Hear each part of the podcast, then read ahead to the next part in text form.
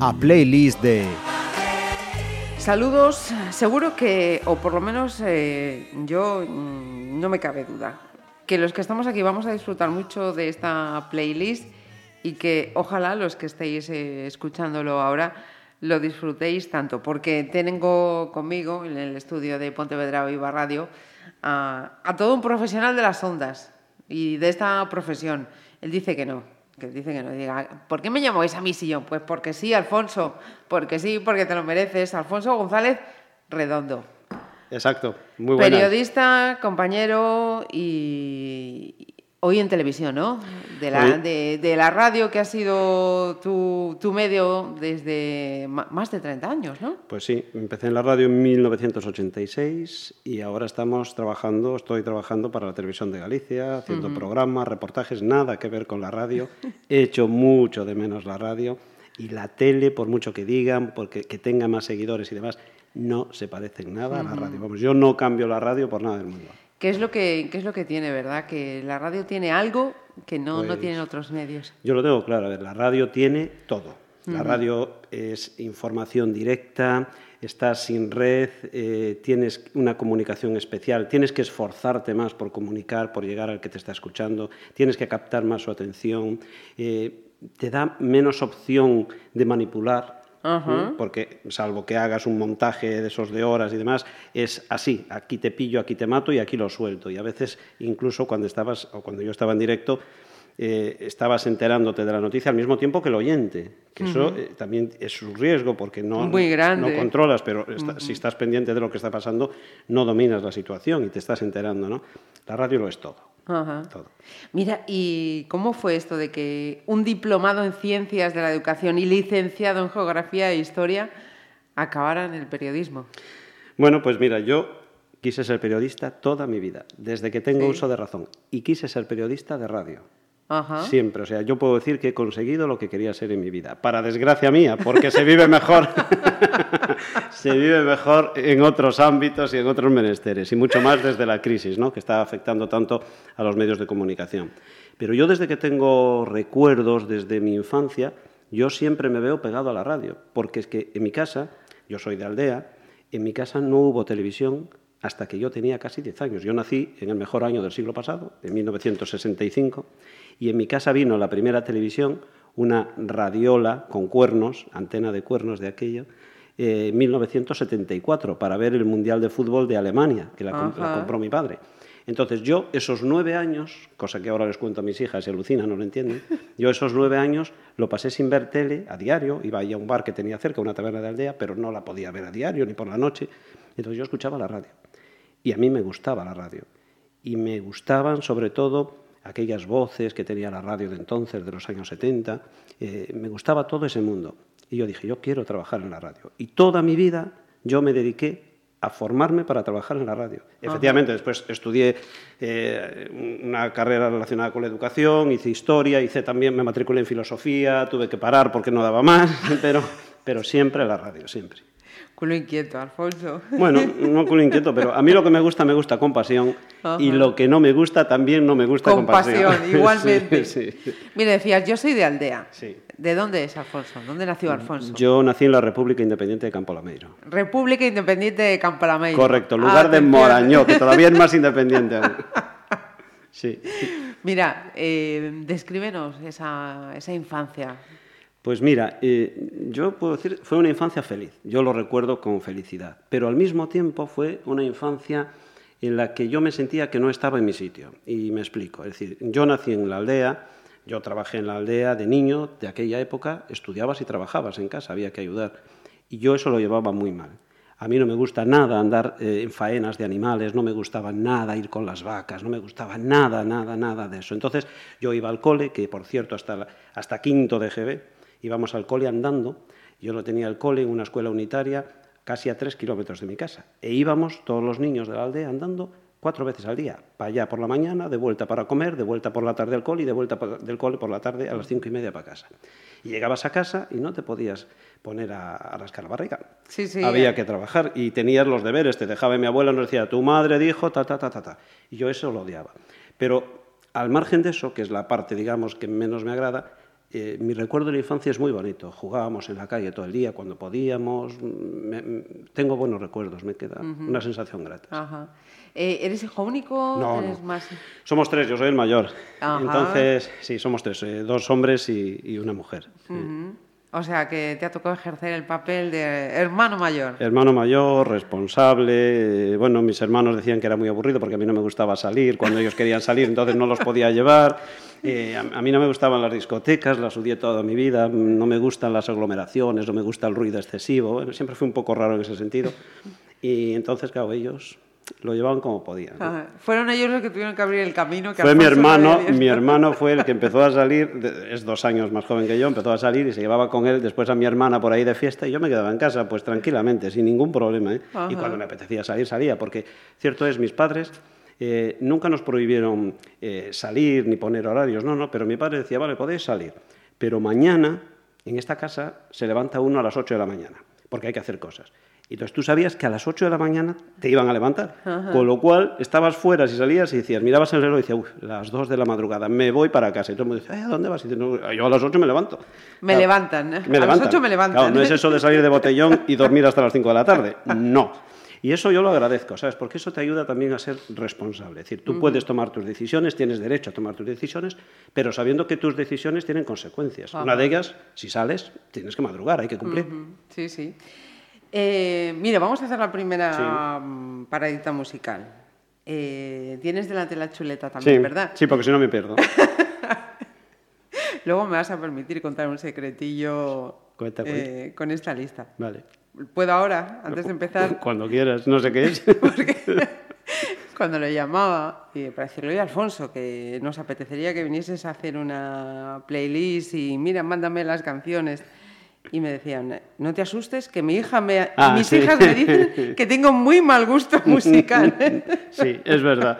Eh, bueno, a ver, que te, lo digan, que te lo digan tus hijas es normal, ¿vale? Porque ella está en otra onda. Es más, de todas formas te voy a decir, después lo vamos a ver más adelante, no voy a desvelar nada, pero algunas de las canciones que están aquí incorporadas, eh, que me gustan mucho, es porque las conocí a través de ellas. Ajá. Entonces, claro, ¿qué estás escuchando? Ah, esto, esto y tal. Claro, yo ahora mismo no estoy tan al tanto de los últimos eh, eh, grupos ni de las canciones que van saliendo y, y la verdad es que algunas están muy bien. Otras, para mi gusto, son horrorosas. Pero bueno, las modas es lo que tienen. Van cambiando afortunadamente. ¿no? Pues eh, chicas, son los gustos de papá. Sí. Así que... No, es eso, que eso hay. queda claro. Pues cuéntanos, eh, la primera selección, ¿por qué? ¿A qué te lleva? Mira, la primera elegí Il Mondo de Jimmy Fontana y me lleva a esos años en los que te contaba que yo me dedicaba por las noches a escuchar la radio. Ajá. Entonces, yo siempre tuve la costumbre, cosa que hace mi hija mayor, curiosamente, de estudiar con la radio puesta, ¿no? Que no todo el mundo lo entiende, dice, hay mucho ruido, te descentras. No, yo lo hacía. A mí me cayeron muchas broncas por estudiar con la radio. Vale, pues yo lo hacía y a mí me sentaba bien. Evidentemente, en algún momento te despistabas, pero después volvías y ya estaba. Entonces, yo me pasaba la tarde-noche escuchando la radio, escuchaba programas musicales de Radio Nacional de España, que entonces te estoy hablando de los años 70, 71, 72, pa- por ahí. Y eh, por la noche, entre otras cosas, además del party y de todo lo que ponían, había programas musicales y ponían músicas. Músicas mm, españolas de toda la vida, mm, Antonio Molina, Antonio Machín y tal, y de vez en cuando iban incorporando alguna música nueva. Y a mí me llamó la atención una chica que se llamaba Janet, porque cantaba raro, o sea, cantaba en español, pero con un acento americano. Y me llamó también la atención Jimmy Fontana, porque eran músicas que estaban llegando. Y entonces, con ese tono, entre dos idiomas y con ese estilo, a mí me atraía y me gustaba. Y sobre todo porque la canción en sí también me parece, a mí me parece muy, muy bonita. Entonces, es una canción deliciosa. le cantamos al mundo en la primera canción y ya está. Y además lo ponías en castellano. Sí. El mundo en castellano. A ver, eh, lo de castellano te lo explico ya mm, por la lista, porque creo que casi toda es en castellano. Yo necesito entender la canción. Ajá. O sea, yo no sirvo para, como dice mucha gente, "Ah, me encanta esta canción en inglés que está tarareando. Dice, ¿Qué dice? Dice, ay, no sé. Dice, no, a ver, ¿cómo no sabes? Si te gusta, tienes que entenderla. Si no, no te gusta. Puede sonarte bien, puede tener ritmo, pero no te puede gustar. Entonces, yo cada vez que escucho una canción en inglés o en otro idioma, intento saber qué dice, ¿Qué la, me dice canción. la canción? Claro, porque igual dice una tontería. Muchas canciones de los Beatles, y aquí voy a decir una barbaridad igual para mucha gente, para mí son horrorosas porque son muy simples. Ajá. Es una letrita que es repetitiva, que no dice Sí. nada. Entonces tú te pones a leer la letra y dices, voy yo, ¿y esto es lo que dicen los Beatles? Pues no. vale. Entonces yo necesito entender la letra, necesito que me diga algo. Y por eso te dice en castellano, porque así la entiendo. Ajá. No, esta noche amor no, yo no he pensado en ti. Abrí los ojos para ver en torno a mí. Y en torno a mí giraba el mundo como siempre. Gira el mundo, gira en el espacio infinito, con amores que comienzan, con amores que se han ido, con las penas y alegrías de la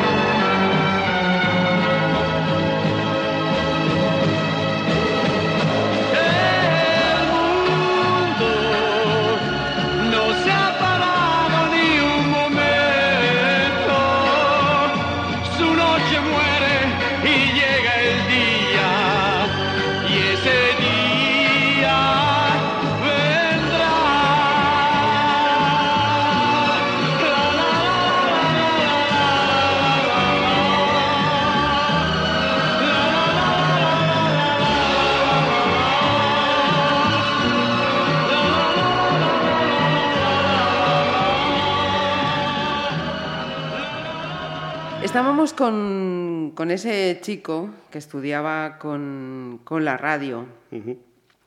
¿En qué momento eh, te dices, eh, bueno, en qué momento? Es, es obvio, uno va avanzando en los estudios, dice, yo quiero seguir eh, estudiando.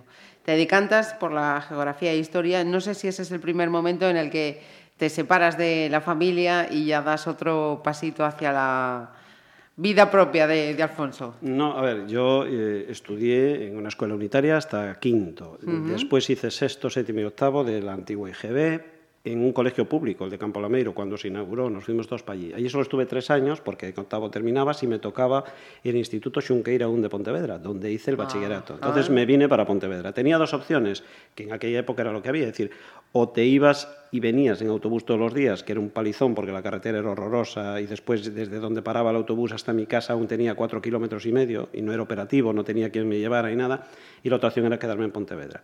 Entonces tenía unos tíos viviendo en Pontevedra, me quedé a vivir con mis tíos, entonces todo lo que es el bachillerato, te estoy hablando del año 80 hasta el 84 y después años posteriores también, yo viví con ellos, Ajá. aquí en Pontevedra, con lo cual yo me vine, en el año 80 me vine para Pontevedra. ¿Y, y qué imagen eh, tienes, qué recuerdos tienes de aquella Pontevedra de los 80? Pues mira, te voy a decir eh, sinceramente, la primera imagen que tengo, yo no quería venir a Pontevedra porque yo mm, de niño tenía muchos problemas que después se demostraron que eran provocados por asma y por estas cosas. Estaba siempre enfermo, entonces me mandaban a Pontevedra. Yo cuando venía a Pontevedra era para ir al médico y casi siempre para que me pincharan. Entonces yo relacionaba Pontevedra, bata blanca, médico, dolor, pinchazo, no. No, no. Y que- después por encima venía con mi padre en el coche y me mareaba siempre. Venía la carretera de Campo Lameiro a te Pontevedra por. Lérez. Era- entonces para mí venir a Pontevedra era una pesadilla. Entonces, yo cuando dijeron, bueno, hay que ir a estudiar a Pontevedra, pues yo tenía claro que quería estudiar. O sea, yo no quería quedarme en la aldea ni trabajando. Yo quería estudiar, vale. Hay que ir a Pontevedra, a vivir a Pontevedra y tal. Bueno, pues me quedo a vivir en Pontevedra, no pasa nada. El primer día que llego al Instituto Xunqueira un de Pontevedra, eh, pues no recuerdo si fue el primer día de clase, creo que no, debió ser para hacer la matrícula o una cosa así, o para, para acercarme al instituto. Lo primero que vi me impactó, porque estamos hablando de los años 80 y había mucho problema de drogas. Ajá. Entonces, lo primero que vi fue un chico pinchándose Caramba. delan- delante del instituto. Claro, tú imagínate un niño de aldea, viene a Pontevedra y de repente ve esa imagen y te impacta. Impacta, Y te lógicamente. impacta, vale. Entonces, aquellos años fueron unos años complicados. Yo, de hecho, gente, chavales que estudiaron conmigo en el instituto, más de uno, han muerto ya, se engancharon a las drogas en aquella, en aquella época, ¿no?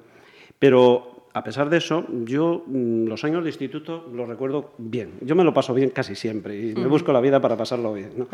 Entonces, yo- me lo pasaba muy bien. Éramos además muchos de Campo Lameiro y dominábamos la situación, no había problema. El Frente Campo Lameiro. el Frente Unido y bien, nos lo pasábamos bien. Entonces no, no tuve problemas. Eso sí, eso sí, perdona solo una Sí, cosa. sí. Lo que recuerdo es, año 80, ¿eh? que parece Sí, que sí. fue hace mil años, solo había el puente del Burgo para cruzar al otro lado de Xunqueira. Con Ah. lo cual, yo vivía frente a la comisaría de policía en la calle Joaquín Costa, Sí. me marchaba a Puente del Burgo, cruzaba el Puente del Burgo y todo lo que es hoy recinto ferial, auditorio y todo eso, era Xunqueira, era barro. Sí, y al sí. centro había una, gran, una especie de laguna asquerosa y toda sucia, y nosotros, para atajar, hacíamos un caminito y nos metíamos por allí. Que yo un día me quedé sin un zapato, iba tarde, iba corriendo, resbalé, estaba lloviendo, metí el pie en el lodo y cuando lo saqué el zapato quedó. dentro. Pero bueno, esa es otra historia. Luego te digo preguntando por esas anécdotas, buenísimo. Hablábamos, vamos con la siguiente selección para hacer eh, Sí. otra, otra pausita. Hablabas antes eso de que quieres, te gusta que las eh, letras sean en castellano para, para entenderlas, ¿no? Y citabas a los Beatles. La siguiente selección debe ser una excepción, ¿no? Al menos para uno de los integrantes. Sí, no, a ver, a excepciones hay algunas, pero sí, la siguiente es una excepción y con lo de los Beatles, y hablando del instituto, permíteme saber una cosa. Yo realmente me enteré de que los Beatles existían cuando llegué al instituto, ¿vale? Eh, habría oído algún tema de la radio y tal, pero no me atraían. Cuando llegué al instituto, Ajá. tuve de compañero a uno que conocemos tú y yo mucho, y conoce a otra mucha gente en Pontevedra, que es Rafa Fariña, actual fotógrafo del diario de Pontevedra. Sí, señor. Vale, pues Rafa era compañero mío. Ajá. Y Rafa es un fanático de los Beatles. Ciertamente. Pero fanático, hasta tal punto que le daba tanto la vara a la profesora de música que un día la profesora dijo, vale, Rafa, pon el día, te traes los discos de los Beatles y das una clase de los Beatles. Y así lo hizo. Ya se vino con 50.000 discos un día y nos metió a los Beatles por todos los lados. Y entonces, a pesar de eso, no consiguió nunca que a mí me gustasen los Beatles. Pero bueno, es igual. Y entonces, a raíz de lo que decías de la canción, a mí me gustaba John Lennon esta canción, porque a mí no me gustan cantantes. ¿eh? Yo no soy una persona fanática, ni forófora, ni ni mitómana, nada. nada. A mí me Ajá. gustan canciones. Y canciones de todo el mundo. Sí. Julio Iglesias, puede haber alguna canción, hasta Los Pecos, hasta Sabina, quien sea, todo. pero canciones, Sí, no, sí. No, no grupos. Y de John Lennon esta canción me gustaba porque en los años de la transición, 76, 77, 78, cuando aquí en España se convocaron aquellas elecciones y demás, eh, la ponía mucho en, la- en- en radio. Yo no sé si era para como el himno pacifista, como para tranquilizar a las masas. Y a mí me quedó grabado de aquella época, escuchar a John Lennon con el famoso himno de la paz, con el Imagine, pues eh, ca- y entonces, claro, me enteré de lo que decía. Busqué, no había internet, pero dije, a ver qué dice este hombre con esa canción y me enteré.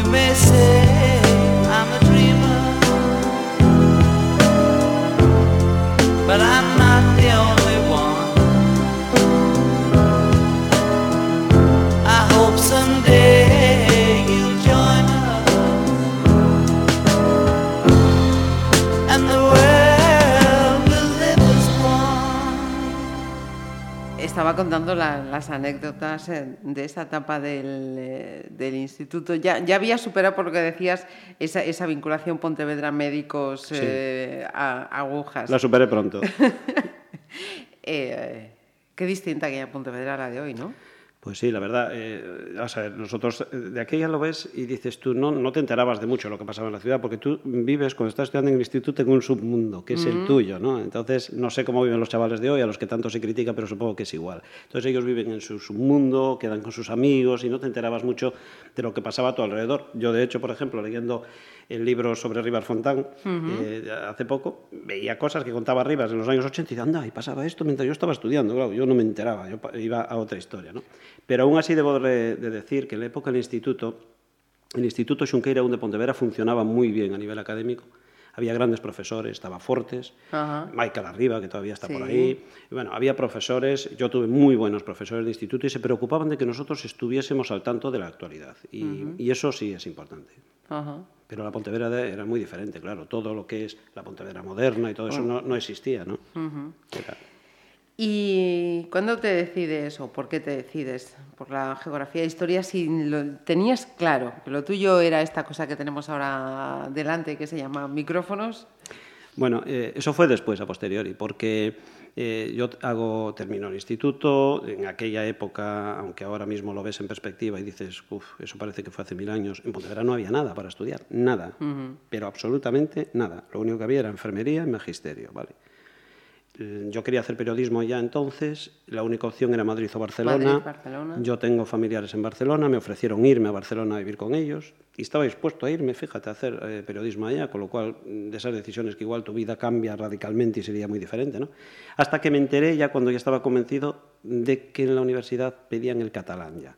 Entonces dije, uff, mima, si voy para allá. Yo con los idiomas soy un desastre, esto puede ser tremendo. Mientras me adapto al catalán van a pasar tres años y da- entonces lo, lo vi un poco complicado. Y dije, no, voy a hacer otra cosa. Primero voy a estudiar aquí lo que pueda, después ya veré por dónde puedo encaminarme, porque mi objetivo era el mismo. Entonces dije, bueno, pues hice eso, terminé de magisterio y casualmente en mi etapa de magisterio empecé a trabajar ya en, en la radio. Ujú. Eh, 86. En el año 86 empecé a trabajar en la radio, en Radio Pontevedra concretamente. Ujú. Eh, ¿Recuerdas el ¿Cómo? primer día? Sí, recuerdo todo del primer día, porque yo empecé a trabajar, fíjate, de estas cosas y casualidades que hay en la vida. Bueno, si no fuese de esa forma sería de otra, porque yo insistiría. Pero eso fue a raíz de una huelga que hubo en educación. Nosotros estábamos en huelga en la universidad, de aquella, yo soy de la Universidad de Santiago, a la que pertenecíamos, y había huelgas y movilizaciones y demás. Entonces hubo una asamblea y dijeron, venga, hay que llamar a los medios, hay que avisar a los medios, ¿qué vamos a hacer? No sé qué era, vale. Entonces empecé a decir, "Ven, ¿quién va? No sé dónde. Yo dije, yo voy a la radio. Dijeron, vale, y había que repartir unas notas. Dijeron, yo voy a la radio. Yo fui a la radio. Entonces, eh, recuerdo, entré en Radio Pontevedra y dije, mira, ¿quieres para esto y tal? Y me dijo una chica que estaba en recepción. Me dijo, mira, sigue por ahí el pasillo atrás en informativos y se lo das. Dije, vale. Entonces yo llevo la nota, se la doy. No sabía quién era, pero después me enteré, trabajé con él, José Luis Portela, que Ajá. estaba en radio. Y dije, mira, es por esto y tal. Y me dije, ah, muy bien, y tal, vale, perfecto. Y yo antes ahí dije, ah, mira, otra cosa, yo quiero trabajar en la radio algún día, ¿qué tengo que hacer? Y me dijo él, "Mm, pues no sé, pero creo que están buscando gente. Y dije, ¿cómo que están buscando gente? Sí, pregúntale, pregúntale ahí a no sé quién, me dijo. y tal. Ahí fui yo y pregunté. Claro, estaban buscando gente, pero para los 40 principales. Entonces yo fui ahí y me dijeron, sí, estamos haciendo unas pruebas de los 40 principales y tal. Y yo, "No, a mí no me interesaba nada. Y dije, y dije, ah, pues entonces nada, a mí eso no me interesa. Y me dijo una chica, mira, ¿por qué no lo vienes a hacer? Total, Hay mucha gente que la quiere hacer. Dije, pero es que a mí no me interesan los 40 principales, no, no me interesa, no quiero. Ven a hacerla, la mañana ven por aquí a tal hora y te la hacemos, ¿vale? Y allí me presenté. Hice la prueba, pero por hacerla, o sea, Sí, porque, porque- porque me vi obligado, porque ella me presionó, yo no quería. Entonces, me llaman al poco tiempo y me dicen, oye, genial la prueba, ¿eh? Y dije, sí, pero es que yo no quiero los 40 principales, no quiero pinchar discos, no quiero, con los debidos respetos, no me interesa, yo quería dar información y trabajar de tal forma. Me dijeron, bueno, pues lo único, si quieres en deportes, hablamos con deportes y haces deportes y tal. Dije, bueno, pues dentro de lo malo, bien. Y efectivamente así empecé. Empecé en deportes, con Tito García, con Ramiro Espiño. Ajá. Y, y estuve en deportes, haciendo deportes, creo que dos o tres años, hasta que el gran Giraldez un día vino y me dijo, Tú para acá. González, ¿qué vas a hacer de tu vida? Y yo le dije, pues de momento estoy aquí, estoy estudiando, estoy aquí. Y dice, nada, olvídate, tú te vienes para informativos. Y dije, seguro, dice, seguro. Y eso cambió ya radicalmente mi vida. Ya me dediqué profesionalmente a la radio, seguí estudiando, después terminé, hice historia aparte mientras estudiaba y me matriculé también en filosofía, pero ya según iban pasando los años, pero eso por hobby, porque me gusta, eh, simplemente eso. Así como quien dice, me voy a tomar una caña No. por pasar el rato. No. Me hice una carrera. No, me costó, por- me costó un riñón y debo de decir que terminé historia gracias a mi mujer. Ajá. Insistió, insistió, insistió porque la paleografía se me atragantó de tal forma. Siempre hay algo en el mundo que se te cruza. Y a mí A ti fue la en- en- paleografía. En, vali- en bachillerato latín y en, en geografía, historia, paleografía. Y no la daba, sacaba adelante. Y ella insistió, insistió y me dijo, sigue, sigue, sigue. Y hasta que lo aprobé, efectivamente. Acabas de mencionar a una persona por la que te quiero preguntar, pero va a ser no después de la publicidad, sino después de la tercera selección que se queda aquí, ¿no? En la tierriña. Pues sí, eh, vamos a ver, el tercer tema que he elegido eh, es de Suso Bahamonde, un cantautor gallego ya fallecido lamentablemente. Eh, y está asociado con una época, eh, estamos en los años 78, 79, 80 todavía, se celebraba en Campo Lameiro, en mi tierra, todos los años que ha desaparecido lo que le- se empezó llamando a Festa dos Mozos, pero después se convirtió en algo mucho más importante que incluso se le escapó de las manos a los organizadores, que fuera, era un día, un festival folk a lo bestia, en unos años complicados. ¿eh? Eh, entonces allí se reunían, por allí pasaron Fuxan os Ventos, Amancio Prada, eh, bueno, Arroda, eh, Suso Bahamonde, todo lo que en aquel momento era música folk en gallego, no de danza, sino de cantar pasaron por allí. Entonces aquello fue un acontecimiento, iban, pero vamos, si te digo miles de personas, mm, igual me quedo corto. Hubo días y años en que aquello era una avalancha de, un evento muy importante. Y elegí Suso Bahamonde porque yo tengo en mente, fíjate, de esas cosas que, te quedas en la vida y, que demuestra cómo eran los años, en una ocasión, tocando Suso Bahamonde sobre el escenario, vino la Guardia Civil y lo obligó a bajar. Ya había pasado el franquismo, ¿vale? Ya había muerto Franco, pero todavía estábamos en una situación donde la música gallega se veía como un peligro y todo lo gallego se veía como un peligro. Y hubo algunos cantantes, por las letras de las canciones que interpretaban, por algunos temas, que no eran del agrado de los que mandaban y que se consideraba un peligro. Pues bueno, la Guardia Civil vino y lo obligó a bajar del escenario, ¿no? para que no siguiera eh, tocando. Aquello a mí me llamó mucho la atención y me impactó. Yo, eh, a mí no me gustan las injusticias. Yo si veo una injusticia ya desde aquella dije, esto no puede ser. Que, que alguien por cantar, por opinar diferente, opine lo que opine, ¿eh? porque ahí ya podemos entrar incluso en disquisiciones filosóficas, pero por pensar diferente le suponga una sanción o le suponga una detención, a mí me parece, no lo entendía. Entonces, recordando aquella época y también en recuerdo de, de- de aquel trabajo que hicieron estos hombres con- para abrir lo que fue la cultura de Galicia posteriormente, elegí este tema que no es uno de los reivindicativos, es un tema de amor, amor apresurado se llama, y que me parece un tema muy bonito, que incluso, por cierto, me lo recomendó un amigo y me dijo, este tema Suso Bahamonde es una chulada, y la verdad que a mí me Ajá. parece. Pues vamos a escuchar a Suso Bahamonde. Eso sí, advertimos que la calidad del Sí. tema no es demasiado buena. No, porque hay que pensar que está grabado como está grabado, pero bueno, aunque sea un trocito, se, se puede oír un poco. No, no, se puede escuchar entero, aunque no, no es un sonido alta No, fidelidad. no, no, no.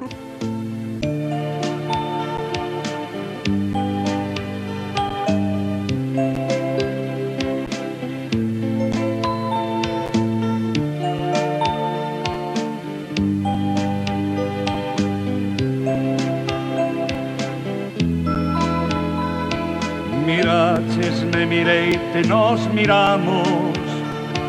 Sorriches te sorrime os dous sorrimos. Nos nosos ollos nosa imaxe vimos. E nos meus e nos teus nos retratamos.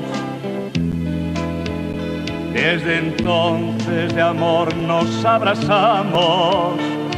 Un mesmo gusto pena os dous sentimos e aunque a paraxes diferentesimos de cote no camiño tropezamos.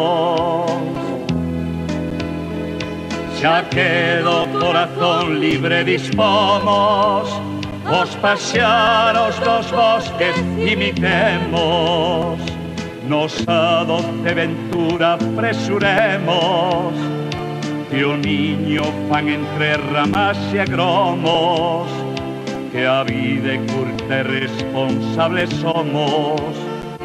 Do tempo tan precioso que perdemos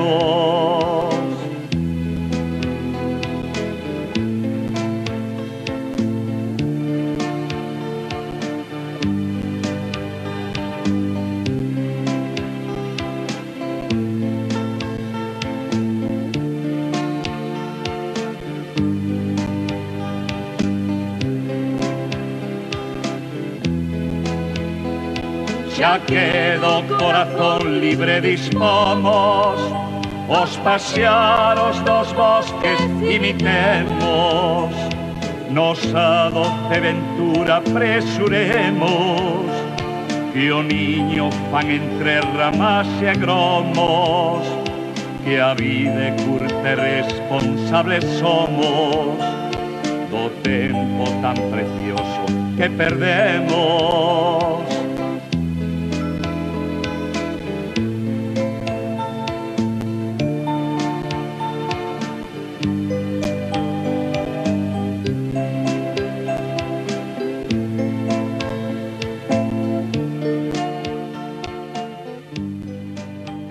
Que viene ahora tiene que ver precisamente con este mundo en el que estamos, con Sí. la radio, La siguiente, sí. con tu costumbre de escuchar radio.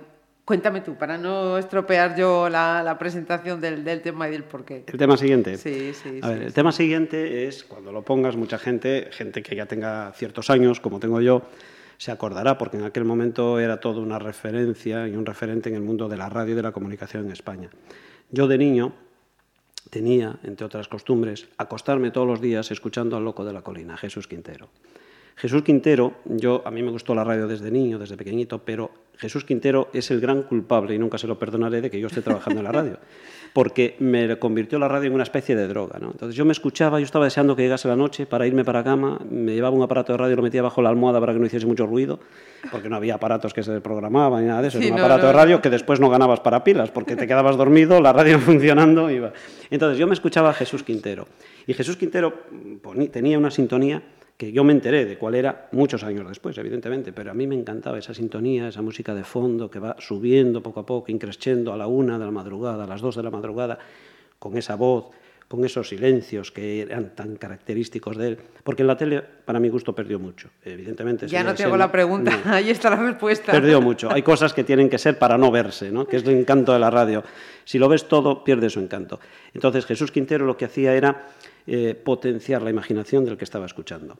Con la voz que tenía, los silencios que tenía, las entrevistas tan bien preparadas que llevaba, que años después me enteré que no las preparaba él, sino que tenía un equipo de guionistas, pierde cierto encanto, pero bueno, él las hacía bien. La puesta en escena era muy buena.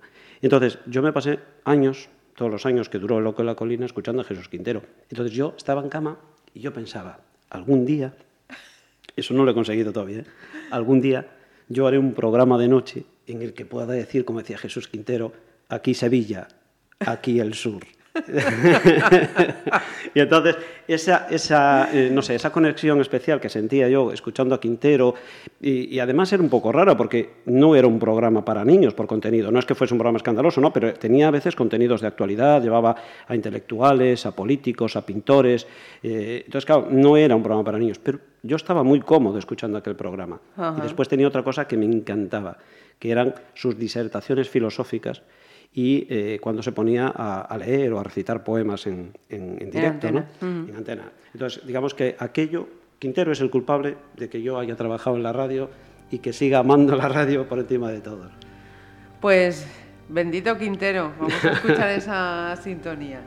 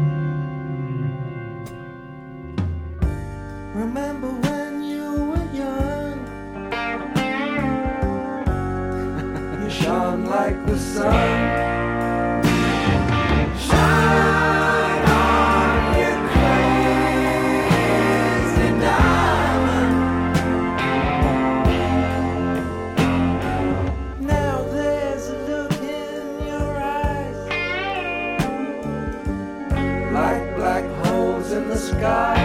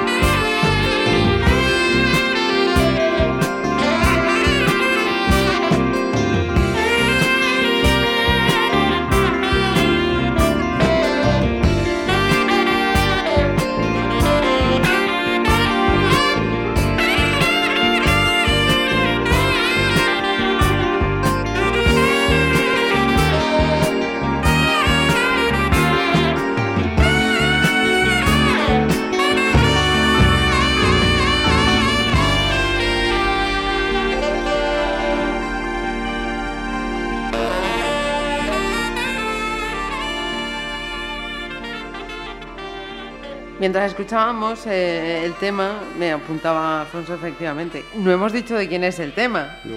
Es de Pink Floyd. Sigue brillando, diamante loco, se traduce concretamente. ¿no? Eh, mira, te decía yo antes, con permiso de tu mujer, porque mm, yo pensaba, mm, es posible que la siguiente selección la haya hecho mm, en, en- en homenaje pensando en ella. Pero yo te quería preguntar, ¿cuándo llega, que por cierto, ¿cómo se llama? Mi mujer, Sí. María Jesús. ¿En qué momento, cómo llega María Jesús a la vida de, de Alfonso? Pues eh, nos conocimos trabajando, porque ella también trabajó mm, poco tiempo, pero trabajó en deportes en Radio Pontevera. Yo llevaba allí varios años trabajando. Ella empezó a trabajar de colaboradora, después hacía información deportiva también en programas, mm, coordinando también todo lo que tenía que ver con deportes y aquí nos conocimos, sin más. Pero con el, con el paso del tiempo, pues bueno, terminó en primero un largo noviazgo y después en boda, con lo cual, bien, eh, hasta el día de hoy. Y, y la conocí allí trabajando. sí. O sea que... mm, Pero ella, es más inteligente que yo y tuvo claro que lo suyo, que, que su vida no podía subsistir por la radio, que tenía que buscar otras cosas. Se hizo profesora, es profesora de inglés y estupendamente le va. Y desde ese momento, Alfonso, ¿no has conseguido sacarle más chicha a las letras y a lo inglés. aprendizaje de idiomas? A ver, hay cosas que son imposibles. Es, hay cosas que son imposibles. Yo la uso de traductora. Cuando viajamos alguna vez que fuimos por Londres y por ahí, tú tradúceme, pero, pero sin más. Qué grande.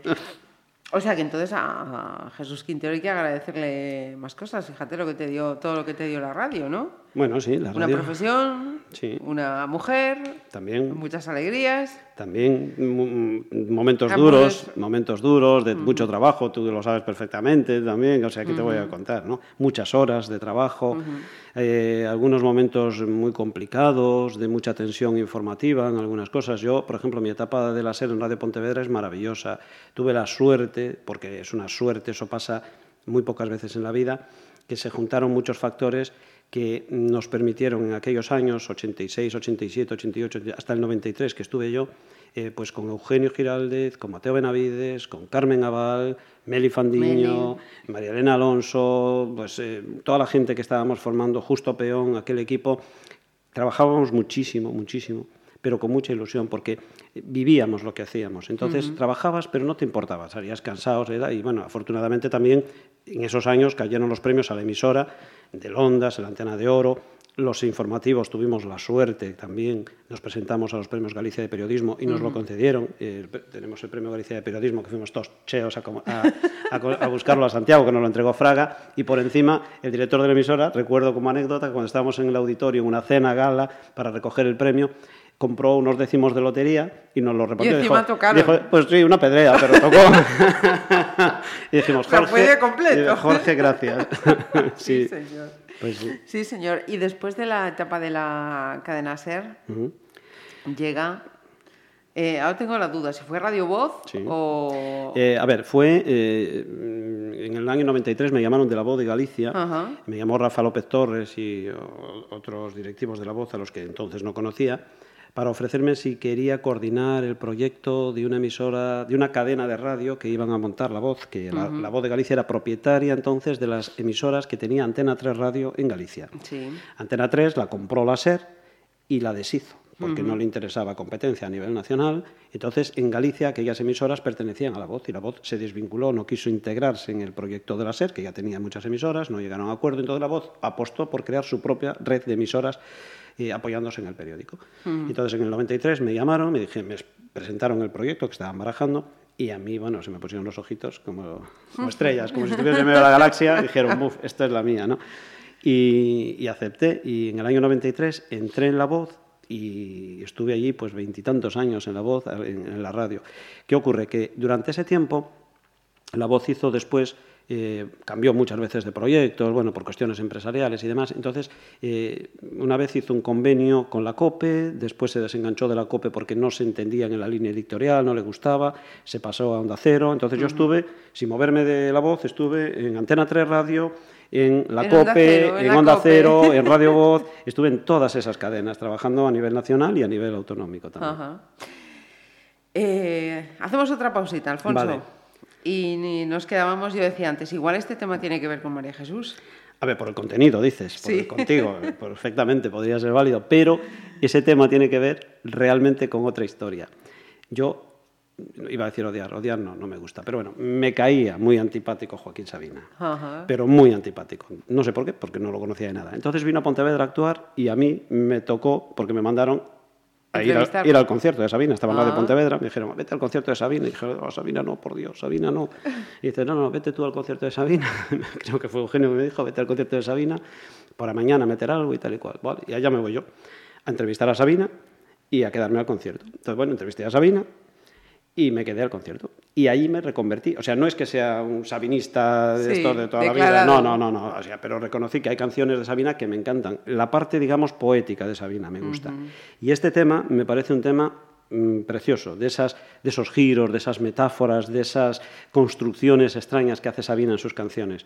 Un tipo que canta horrorosamente mal, que tiene una voz horrorosa, pero que al final compone maravillosamente bien, Ah. para mi modesta opinión.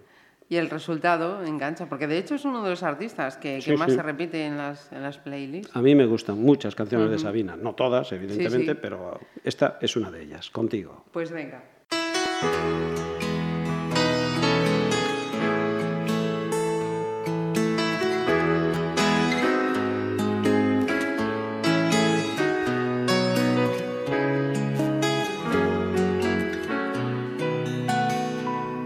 Yo no quiero un amor civilizado con recibos y escena del sofá. Yo no quiero que viajes al pasado y vuelvas del mercado con ganas de llorar. Yo no quiero vecinas con puchero. Yo no quiero sembrar ni compartir. Yo no quiero 14 de febrero ni cumpleaños feliz. Yo no quiero cargar con tus maletas. Yo no quiero que elijas mi champú. Yo no quiero cortarme la coleta, mudarme de planeta. Brinda a tu salud. Yo no quiero domingos por la tarde. Yo no quiero columpio en el jardín. Lo que yo quiero, corazón cobarde, es que mueras por mí. Y morirme contigo si te mato y matarme contigo si te mueres porque el amor cuando no muere mata. Porque amores que matan nunca mueren. Yo no quiero juntar para mañana. Nunca supe llegar a fin de mes. Yo no quiero comerme una manzana dos veces por semana sin ganas de comer. Yo no quiero calor de invernadero. Yo no quiero besar tu cicatriz. Yo no quiero París con aguacero, ni te quiero sin ti. No me esperes a las doce en el juzgado. No me digas, volvamos a empezar. Yo no quiero ni libre ni ocupado, ni carne ni pecado ni orgullo ni piedad. Yo no quiero saber por qué lo hiciste. Yo no quiero contigo ni sin ti. Lo que yo quiero, muchacha de ojos tristes,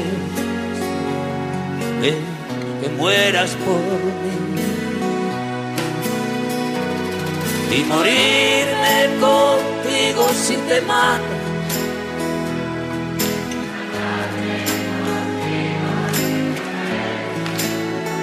Porque el amor, cuando no muere, mata. Porque amores que matan, nunca mueren. Buenas noches, muchas gracias. y morirme contigo si te matarme contigo si te muero porque el amor cuando no muere nada. Porque amores que matan nunca mueren.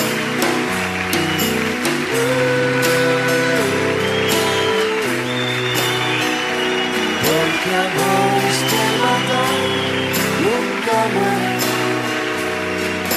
Morirme contigo si te matan.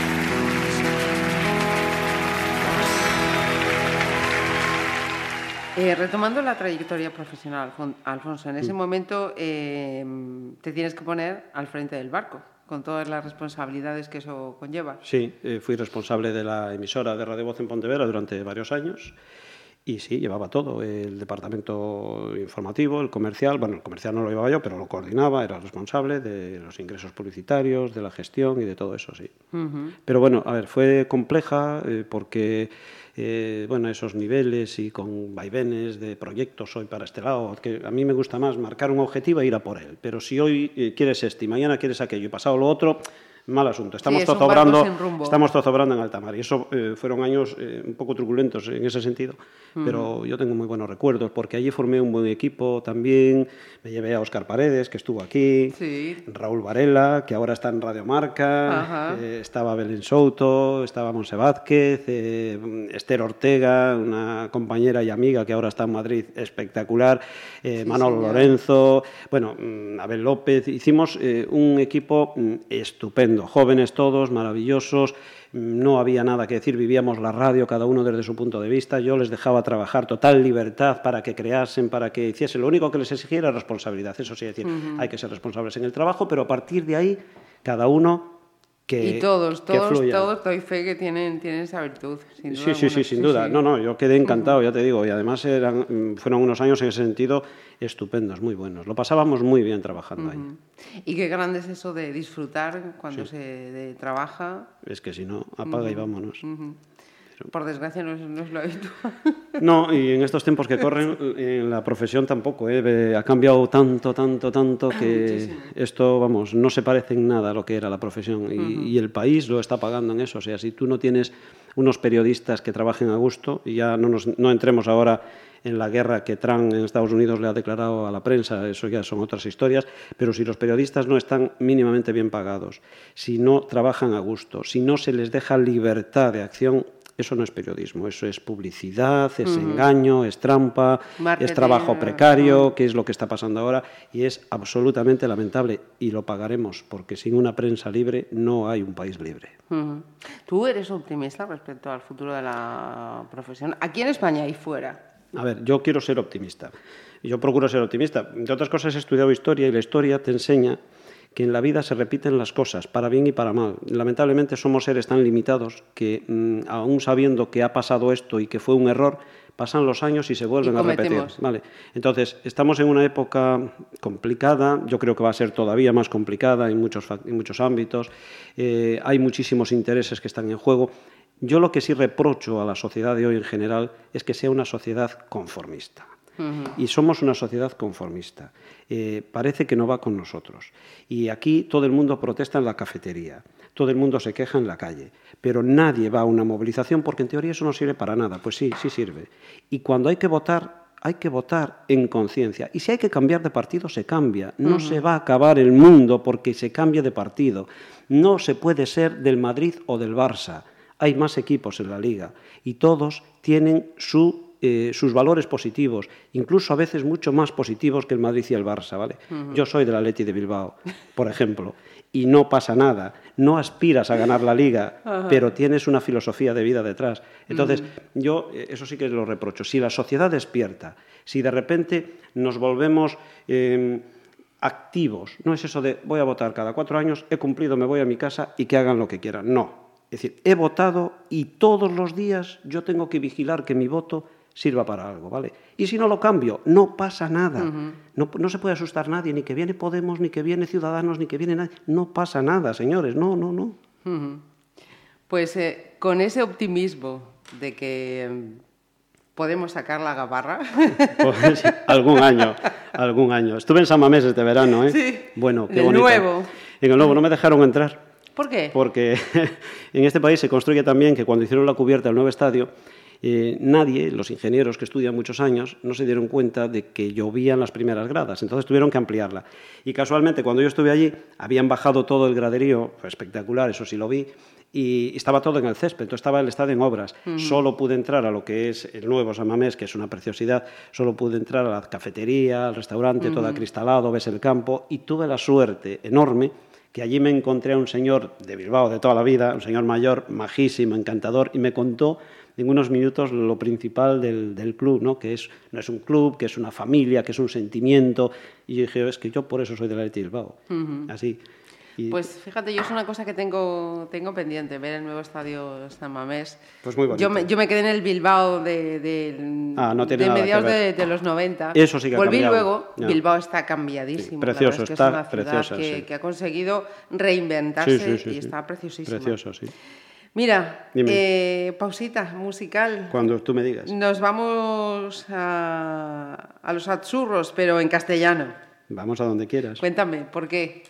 Il Divo. Bueno, pues mira, esa eh, la he elegido, podía haber elegido otras, de alguna otra que no fuese esa, pero primero el Divo me gustan como, como cantan, me parece que fue un, un acierto, una creación de un grupo, armonizar voces que son más líricas que otra cosa, pero con música moderna, variada, a mí me gusta. Pero, sin embargo, la he escogido porque mm, recordaba estos días, que yo tengo muy mala memoria para eso, pero poniéndome a pensar, dije, a ver, canciones, canciones, canciones de época y tal. Y creo recordar eh, que Il Divo era uno de los temas que escuché en un momento muy complicado de mi vida. Hace unos años yo tuve una enfermedad bastante fastidiada, un problema de infección pulmonar que casi me lleva al otro barrio. Bueno, el otro barrio no sé si existe, pero la sepultura casi sí. Y, y yo estuve una semana en la UCI, ingresado en el Domínguez, empeorando cada día. Y un día, o sea, me dejaron llevar, tener un aparato de radio, mm, estaba enchufado a todo, no me podía mover, pero bueno, me dejaron llevar un aparato de radio, me lo llevó mi mujer. Y las noches son eternas, no dormías y bueno, fatal, la cabeza te daba mil vueltas porque estabas en una situación muy delicada. Y de noche escuchaba música, no me apetecía escuchar nada que fuese hablado, no, no, entonces prefería escuchar música y, e intentar relajarme, cosa que no conseguía. Y uno de los temas, o algunos de los temas que, que escuchaba o que escuché en esos días, que podían ser otros, insisto, pero bueno, eso lo relaciono con, con esta situación, es este tema del Divo, que sin embargo, dicho esto, es un tema para mí precioso, muy bonito, Sí. con mucho fundamento en su letra también. Sí, porque si no me equivoco es una, una versión Sí. de aquel tema de los, puede ser de los 70, de Nilsson, que se titulaba Without You, ¿no? Ahí ya me comprometes mucho. Yo sé que es una versión, hasta Ajá. ahí llego, pero la versión que han hecho a mí me gusta y sobre todo el, o sea, el, el contenido, la letra en sí, pues me parece muy interesante desde el día en que te fuiste. Ujú. Pues venga, vamos a quedarnos, pero con buen ánimo, ¿eh? Sí, sí, sí, sí, con buen ánimo. No, digo que, que lo asocié con esa época, pero Sí. con buen ánimo, sí, sin duda. Me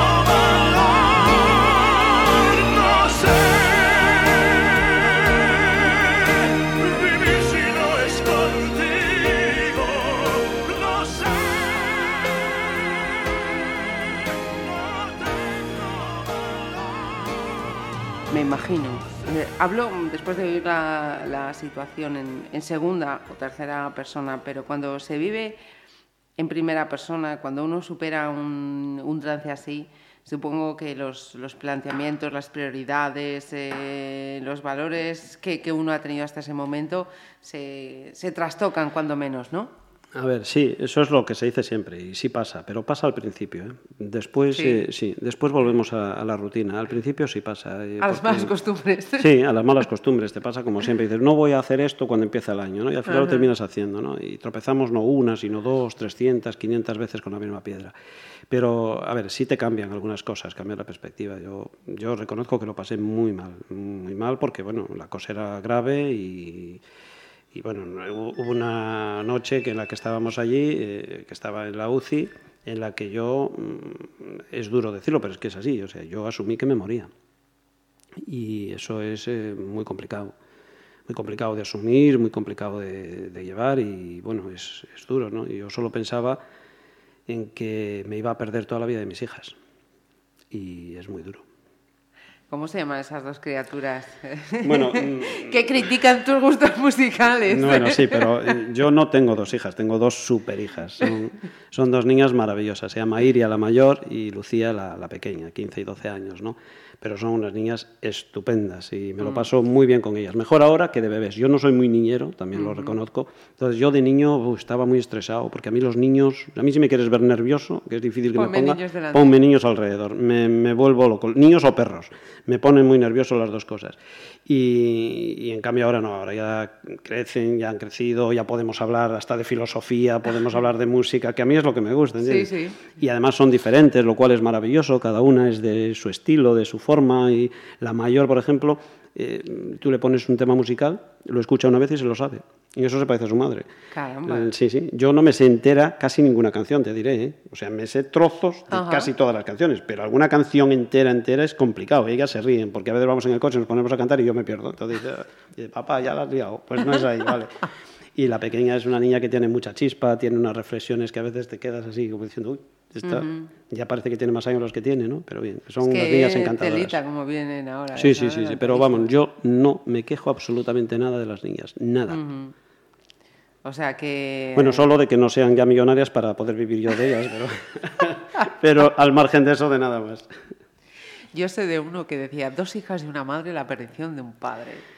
Eh, Bueno, eso sí, eso se puede, eso se puede firmar, ¿eh? Sí, eso se puede Eres firmar. del club también. A ver, eh, eso tiene sus cosas buenas, porque todo el mundo dice, oh, qué bien estás, qué bien te tratan y tal. Y dice, bueno, vale, bien, ya, cambiemos de tema. El hombre de la casa, el único hombre de la casa. el único hombre de la casa, sí. Mimadísimo. El único hombre de la casa y por parte de mi mujer, el único hombre también, porque tengo- También. Tengo, dos cuñadas, pero de momento nada. Con lo cual yo, eh, hay reunión familiar y allí estoy, el único. En algodones, Bueno, en algodones, seguro. A veces en el paredón, no te creas. Vamos a, a dar otro pasito más. Vamos. Y nos quedamos con unos míticos de los o- 80. Mm, Los secretos. Sí, señor. Pues mira, esto lo elegí porque mm, estos días hablando con un amigo mío, eh, yo conocía los secretos por este amigo mío. Es un- ese sí que es un fanático de la música. Además se las sabe todas. A veces cuando quedamos en reuniones o cenas y demás, mi mujer y él eh, están... eh, a ver, ¿de quién era esta canción? Se la saben, saben el tema, saben la Oye, canción. diles que no se pierdan entonces un programa que ha empezado ahora esta semana, en la primera, Vale. que, que me, me Ah, acabas de sí. recordar a mi hermana y a mí Sí. que digo, este programa es de verlo las dos y picarnos a ver quién saca antes. Vale, pues pues, eso, va, seguro que se va. la saben. Entonces, este amigo mío que se llama Juanjo, eh, en una ocasión, no recuerdo cuándo, me dijo, oye, hay un grupo, esto de Los Secretos, es buenísimo, es así un poco exagerado, es buenísimo, lo nunca visto, no sé qué y tal y cual. Dije, a ver, Juanjo, por Dios, vale, ya lo escucharé cuando pueda y tal. Coincidí con él al poco tiempo, ¿escuchas? No, pues no, pero escúchalos porque no sé qué tal. Bueno, al final los escuché. Y, y debí escuchar una de las canciones buenas porque me gustaron Los Te Secretos. engancharon. Me engancharon los secretos. Cierto es que cuando vinieron a Pontevedra la última vez no me gustaron nada en directo. Pero bueno, esa es otra historia, ¿no? Pero la música de los secretos es parecida, digamos, al estilo Sabina, en el sentido de que, bueno, no es que sean unas grandes lumbreras de- interpretando, pero el contenido de, Em, de casi todos los temas, la letra, yo las firmaría si pudiera. Pues fíjate, alguna mítica ya de la historia de la música de este, de este país, nos, nos guste o no. Sí, sí. Yo tengo que reconocer que sí. Quizá no tanto ya en esta etapa de mi vida, pero hubo un momento en que los secretos eran, eran lo más. Pues y yo- desde luego no sonaban, no sonaban igual que cuando sonaban no, aquí en no. Pontevedra. ¿eh? Yo te digo que hoy eh, es el día que hoy sí los voy escuchando en el coche todavía. Yo Sí, lo- sí. sí, sí, sin problema. Eh, pues nos quedamos con el tema en concreto de la calle del olvido, ¿no? La calle del olvido.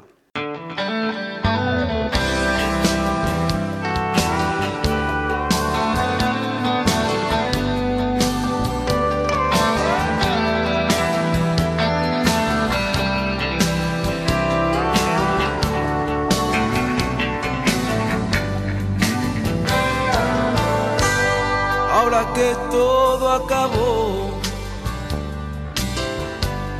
Y que el tiempo te ha vencido. Y tu amigo te dejó. Dices que cuentas conmigo, como tienes el valor. Que siempre me he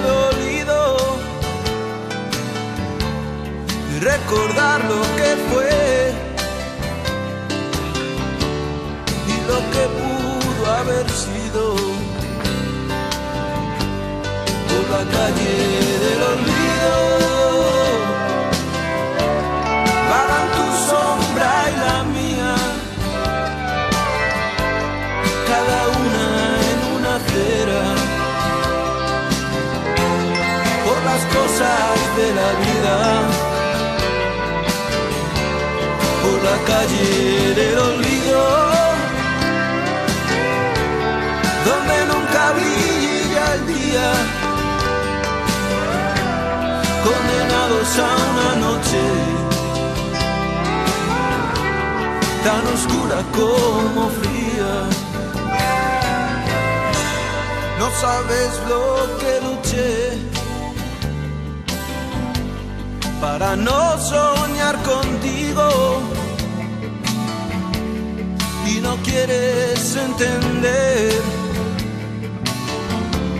que por fin lo he conseguido. Yo estaba dispuesto a todo para tenerte conmigo. Hasta hubiera trabajado y te fuiste con mi amigo por la calle del olvido. Vagan tu sombra y la mía, cada una en una acera. Por las cosas de la vida,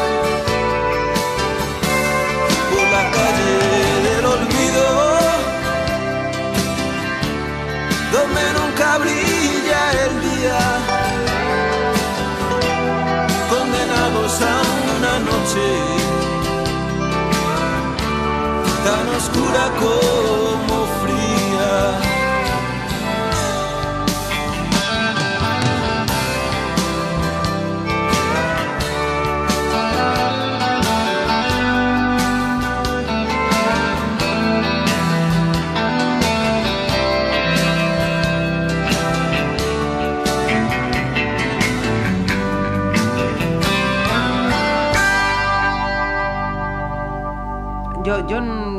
no sé si os habéis dado cuenta, pero cuando nos estaba contando ese momento tan, tan duro, tiene que ser brutal, cuando decías eso, mm, yo, yo era consciente de, de que me podía ir. Pues sí. No, yo era consciente de que me iba, que es peor. O sea, de que me puedo ir eres consciente todos los días. Sí, sí, perdón, de que, de ir. te ibas. Pero de que te vas, eso no eres consciente solamente dos o tres veces en la vida, eh, o a veces ninguna, depende, pero de que te vas, eso es lo duro. O sea, asumir de que te vas. Es muy complicado. Y sobre todo, si no eres un gran creyente, eh, no sé si es más difícil o más fácil, pero bueno, lo encajas, lo ves de otra forma, ¿no? No, no pasa nada. Lo asumes y dices, acabó, y punto. Pero eh, lo, que, lo, lo duro, lo más duro es, sobre todo, yo pensaba siempre en las niñas. Las- decir, las hijas. lo que me iba a perder de las niñas, y eso, es, eso es complicado. Pero al final no, no te lo estás perdiendo. No, no, estoy aquí y toco madera, pero vamos, espero estar muchos años, ¿no? Estoy afortunadamente totalmente bien. Y remontabas y hay que seguir peleando, había que seguir peleando. Claro. Y también se produce un cambio ahí profesionalmente importante. Sí, eh, a ver, terminado la etapa de la voz de Galicia, vino la crisis, hubo ERES, hubo recortes, los veteranos nos fuimos todos a la calle, limpieza de empresas, lo típico, lo habitual en todos los sectores, lo que ha pasado en este país, legislación laboral muy permisiva para despidos, hasta el día, hasta el día de hoy, porque no ha cambiado esa legislación. ¿no? Afortunadamente, bueno, yo eh, no tardé mucho tiempo en poder eh, volver a recolocarme, sigo en la profesión, que es una suerte, ¿no? Pero bueno, hay gente que lo está pasando todavía muy mal y no sé, a mí me parece una situación muy delicada, muy dura, en la que se puede ver todo el mundo, o sea, cualquier persona, Sí, sí. y esto hay que tenerlo así, o sea, hoy estás arriba, mañana estás abajo y pasado de medio No lado. estás. Y, y sí, y al día siguiente ya no estás, ¿no? Y bueno, en ese sentido, sí, fue un cambio, evidentemente. Yo, lo, yo procuro asumirlo con, con toda normalidad y naturalidad, ¿no? Dice, bueno, pues pasa esto, pasó, te has visto eh, metido en un grupo de unas decisiones empresariales y, y te vas a la calle, pues ya está. Pero hay que saber, o intentar al menos, eh, reinventarse Sí. y seguir con fuerzas y ánimo para decir, Sí. aquí estoy y tiro para adelante. A ver, yo eh, intentaba, lo que pasa es que yo he descubierto a raíz de eso de que no soy nada inteligente, ¿eh? te lo voy a decir sinceramente, con lo cual No me lo creo. Sí, sí, no, no, pues te lo puedes creer. Sí, una persona inteligente es una persona que mm, de repente se reinventa, pero haciendo algo y, y a ser posible, tipo Telmo Martín, haciéndote millonario ya, ¿no? Vale. Eh, pero en mi caso, mm, yo he demostrado que no soy tan inteligente, ni mucho menos. Eh, efectivamente, tuve la suerte de, de volver al- a, trabajar en la profesión, que estoy trabajando ahora mismo, en, en otro apartado, en la tele, que me gusta menos que la radio, pero bueno, es, eh, es lo más ligado a tu, a tu profesión. Y, y durante estos años yo decía, no, pero vamos a ver, tiene que haber algo, yo tengo que ser un tipo más espabilado y montarme algo, me monto por mí y tal. Mm, Y no se me ocurrió nada, por lo menos nada, nada en lo que me viese seguro. Sí hice un curso de redes sociales, eh, aprovechar y ponerte un poco al día, que eso no está nada mal, tal, pero mm, a partir de ahí no mucho más, ¿eh? no te creas. Es que cuando una cosa tira y la tienes muy clara, Sí. es, es jodido decir, ¿y qué hago yo ahora que no sea esto? Bueno, yo he llegado a este punto de mi vida, yo solo aspiro a ser millonario, también te soy sincero. O sea, no, no tengo, no, no me no me costaría nada en No, absoluto. No, no, no, no. Yo eso de que el dinero no hace la felicidad, eso me parece muy bien, pero, Pero yo quiero, yo quiero decirlo teniéndolo, ¿vale? Y ya está. Porque si los Desde la pobres. experiencia. Claro, yo siempre mi suegra siempre me dice, cuando le comento yo soy millonario, mi, mi suegra dice, calla, calla, lo importante es tener salud. Y yo siempre digo, mira, suegra, está muy bien, pero si los pobres no enfermásemos y fuésemos todos unos tipos súper fuertes, yo igual quisiera ser pobre. Pero como los pobres también enferman y los ricos también, ya puestos quiero ser rico. Ya está. Pues yo solo quiero ser millonario. Sí, señor. Va- vamos a mirar a ver dónde uno se escribe, por lo menos a ver si hay posibilidades de aprender. Ya. Mira, y eh, en la siguiente selección han tenido algo que ver Iria y Lucía, Eh, no, ¿no? no, porque te sorprende que la haya elegido yo. No, no, no, yo Ah. pregunto, ya llegados ya No, al no, final no, de no, la no. lista. Todavía no. Todavía no. La siguiente selección, que es el arrebato y Antonio Vega, eh, que, bueno, hay ahí una serie de temas que Antonio Vega ya cuando estaba ya delicado y eh, pues interpretó con algunos eh, autores y algunos cantantes. Yo elegí este del arrebato de Antonio Vega. Primero, mm, sí me gusta, pero es eh, el arrebato, sobre todo, es un cantante que yo pongo cuando necesito un, un chute de adrenalina, de decir, de optimismo, ¿no? Eso de que estás bajo y puedes ir, pues cuando a veces paseando por el Lérez o por el río, por ahí, estás decaído, lo llevas mal y tal, pues pongo el arrebato, porque es un tío que a mí me transmite alegría, me transmite felicidad. No es que tenga unas letras espectaculares y tal, pero tiene una filosofía de andar por casa, una filosofía normal del día a día, tipo hippie, con buenas palabras y demás. Y además, por encima, que cada ha hecho el mejor himno de fútbol de España, que es el himno del Sevilla. O sea, el himno del Sevilla del arrebato, yo no soy del Sevilla, pero iría al Sánchez Pizjuán mañana para cantar Para el himno del cantar Sevilla. el- Me lo aprendería, porque entero Sí, tampoco sí. me lo sé. Yo, yo tampoco. Pero bueno, y entonces eh, este tema del arrebato de Antonio Vega eh, hoy me dio por ser honesto, eh, me gusta mucho. Y, y el, te- el título también, aunque, mm, por ejemplo, conmigo no va, porque a mí no me dio hoy por ser honesto. Yo procuro ser honesto todos, Todos los los días, de mi vida y cada segundo de mi vida. A veces se consigue, a veces no, pero intentarlo siempre, siempre.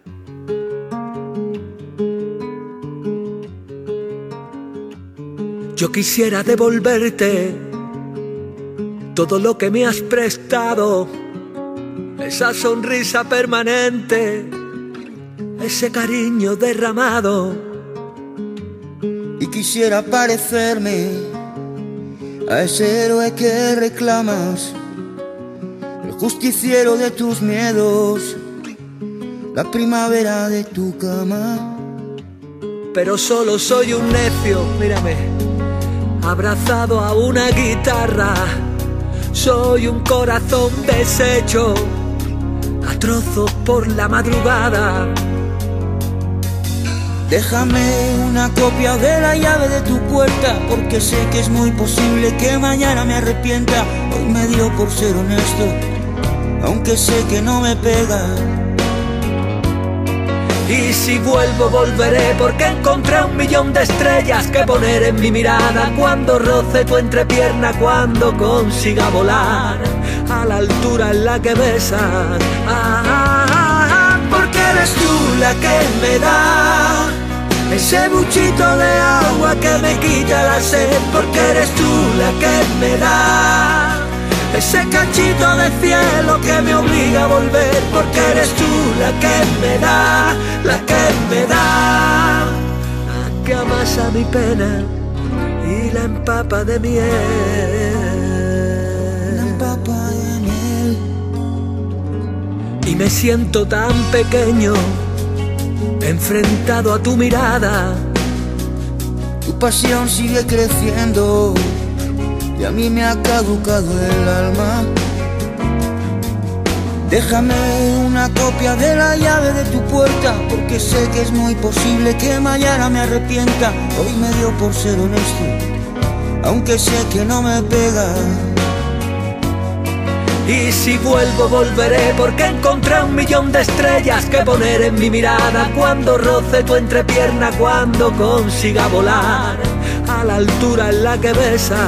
Ah, ah, ah, porque eres tú la que me da ese buchito de agua que me quita la sed, porque eres tú la que me da ese cachito de cielo que me obliga a volver, porque eres tú la que me da, la que me da. La que amasa mi pena y la empapa de miel.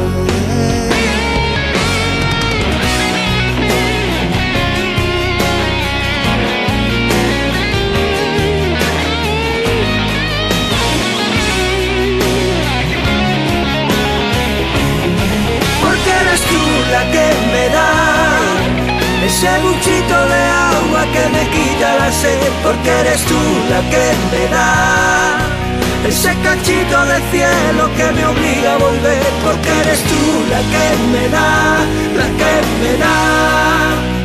La que amasa mi pena y la empapa de miel. empapa de miel. Porque eres tú la que me da ese buchito de agua que me quita la sed. Porque eres tú la que me da ese cachito de cielo que me obliga a volver, porque eres tú la que me da, la que me da, la que amasa mi pena y la empapa de... Hablabas de, de ser honesto, al menos intentar ser honesto cada día, Alfonso. Es, es algo que desde luego los que te conocemos no dudamos. Gracias. Y hablabas de esos hábitos que tenías de, de pequeño, de me acostaba escuchando la radio. Mm. Eh, ¿Ahora por las noches todavía mantienes esa, esa Has costumbre? tocado un tema ahí muy delicado.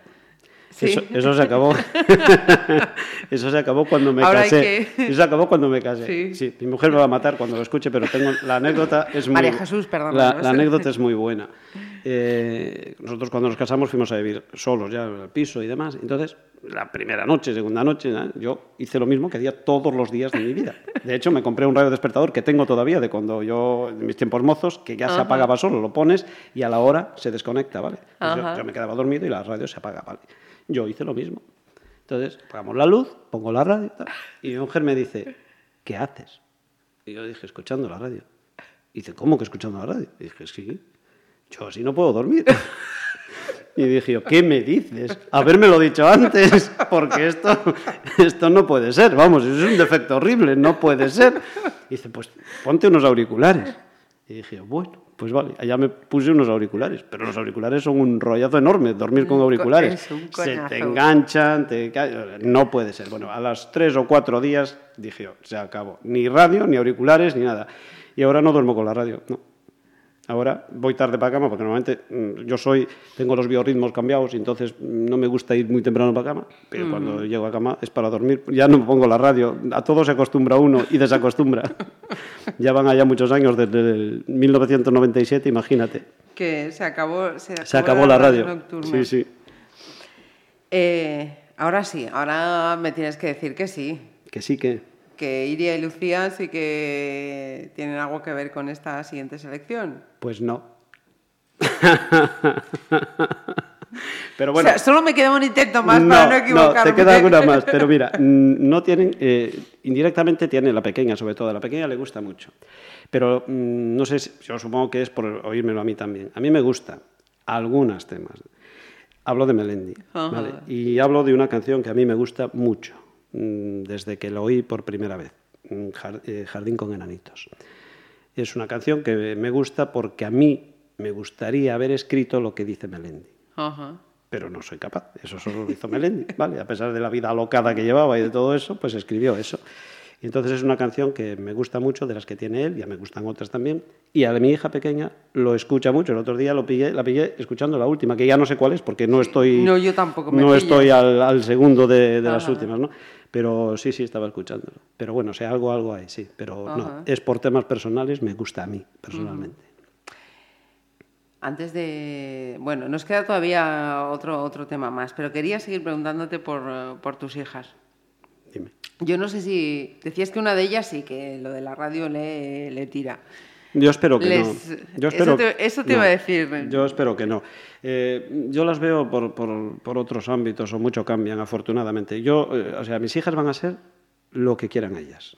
Yo no es esto de padre abogado, hijo abogado, padre médico, hijo médico, no, perdone. Padre lo que sea, hijo lo que le dé la gana, ¿vale? Entonces, mis hijas estudiarán lo que quieran estudiar ellas y harán lo que puedan. Una, la mayor, eh, yo, ella de momento con sus inquietudes va más hacia el mundo de la medicina, la investigación médica, no tanto médico, sino investigación médica. Y es una niña, bueno, estupenda, trabajadora, con una gran capacidad. Bueno, trabajadora a ratos, porque mm, de repente se distrae y vale, pero... Alfonso este tirón de orejas así público, Vale, no, pobre. no, no, pero bueno, ella lo sabe, que es, es como coleguita resbado que le digo yo siempre y sin problema ninguno. Pero bueno, entonces eh, es diabética, tipo 1, y eso, eh, vale, mm, le condiciona en parte su vida, aunque hace una vida normal totalmente, pero bueno, evidentemente quieras o no te condiciona, y está muy sensibilizada con esos temas de investigación, y yo, ojalá, espero que siga por ahí, que le gusten y que lo pueda hacer, ¿no? Y- y la pequeña, bueno, la pequeña de momento no lo tiene decidido, pero eh, quiere hacer un poco de todo. Unos días y profe, otros días y, bueno, de una época porque quería ser actriz o quería eh, hacer interpretación y no sé qué y tal. Yo creo que las dos, podrán hacer lo que quieran. Yo, mm, lo que quieran por sus capacidades, me refiero, claro. Si, si hay que ir a estudiar a Estados Unidos, igual no pueden por cuestión económica, o porque Trump abre un muro, levanta el muro y ya no aquí. entra nadie, ¿no? Pero por lo demás, lo que ellas quieran. Has mencionado el tema de la diabetes. Sí. Mm, Yo decía, bueno, si, si Alfonso lo saca, yo le pregunto, si no, eh, lo mantenemos al margen. Tú también te has implicado mucho a raíz eh, de, Mm. de la diabetes de, de tu hija. A ver, evidentemente, no, no nos queda más remedio, ¿no? Eh, mi mujer y yo, eh, fue un shock en su momento, no hay nadie diabético en nuestra familia, nadie, y la niña eh, no tenía ningún problema de salud. Y de repente, hace tres años, pues se convirtió en diabética, en, en el mes de agosto, en una semana, ¿no? Entonces, claro, todo el mundo está acostumbrado a oír de la diabetes, pero va a decir, ah, eso no es nada, es una cosa sencilla, no, no, es un rollo enorme. Y además es una enfermedad que tiene muchas secuelas a la larga si no te cuidas, pero muchas, muchísimas. Y tiene un pero muy grande, es que no duele. O sea, la diabetes no duele, ¿vale? Sí, en el caso de ellos, que es, hay que distinguir, porque todo se llama diabetes y no es lo mismo. La diabetes tipo 2, la que tiene mucha gente mayor, y eso es una cosa, ¿vale? Y la diabetes tipo 1, que es la que tienen sobre todo los niños y demás, eso es mucho más delicado. Entonces ella se tiene que regular, ella y todos. Eh, el azúcar externamente, ¿no? Pues entre la alimentación y la insulina, mediciones y demás, bueno, son muchos pinchazos al día, tiene que llevar una vida muy regular, eh, es, es complicado, ¿no? Ella afortunadamente eh, lo tomó bien, mejor de lo que esperábamos, eh, tuvimos un tiempo para adaptarnos todos y lo típico, en ese momento se te viene el mundo encima, no sabes qué hacer y dices, bueno, hay alguien, algo que sepa, que nos explique, una asociación, existía la asociación Anedia, Anedia, allí fuimos, nos metimos, eh, gente encantadora que trabaja, lucha muchísimo contra la discriminación. ¿Cómo es posible que a unos niños diabéticos le pongan problemas por entrar con unas mochilas en el cine? Al cine, Unas- al cine o donde sea, Sí, me da sí, igual, sí, al- sí. a un estadio de fútbol, no pueden. O sea, es su salvavidas. En esa mochila llevan sus insulinas para pincharse, sus azúcares o sus zumos por si tienen un superbajón para remontarlo. O sea, es por su salud, no es por no comprarle un zumo al de la tienda de turno. No, olvídese. Sí, sí. Es diabético, tiene que ir con eso a todas partes. En el avión lo tiene que llevar consigo. ¿vale? Eso tendría que estar regulado. No podemos entrar en estas tonterías y en estas estupideces porque la salud de una persona no puede ponerse en juego por ningún interés económico de nadie, de nadie. Y mientras esto no quede claro, algo estamos haciendo mal. Y tienes que luchar contra esto y tienes que hacer cosas que, que dices, pero ¿cómo es posible que la gente vaya contra el sentido común? Yo, la vida, yo la veo con sentido común. Y- y, es el menos común de los sentidos, te diré. menos, efectivamente. Porque hay cosas que dices, a ver, por Dios, si yo lo veo, ¿cómo es que no lo vean los demás? Pero pues Sí, no, sí. no se ven por intereses, siempre por intereses. Pues eh, me alegro que hayas tocado el tema porque dije yo, sí, si lo saca, caña ahí para Sí. dar, dar el toque de, de orejas. Pues sí. Vamos ahora con Melendi. Vamos con, ese- Melendi, vamos con ese jardín con con enanitos. el-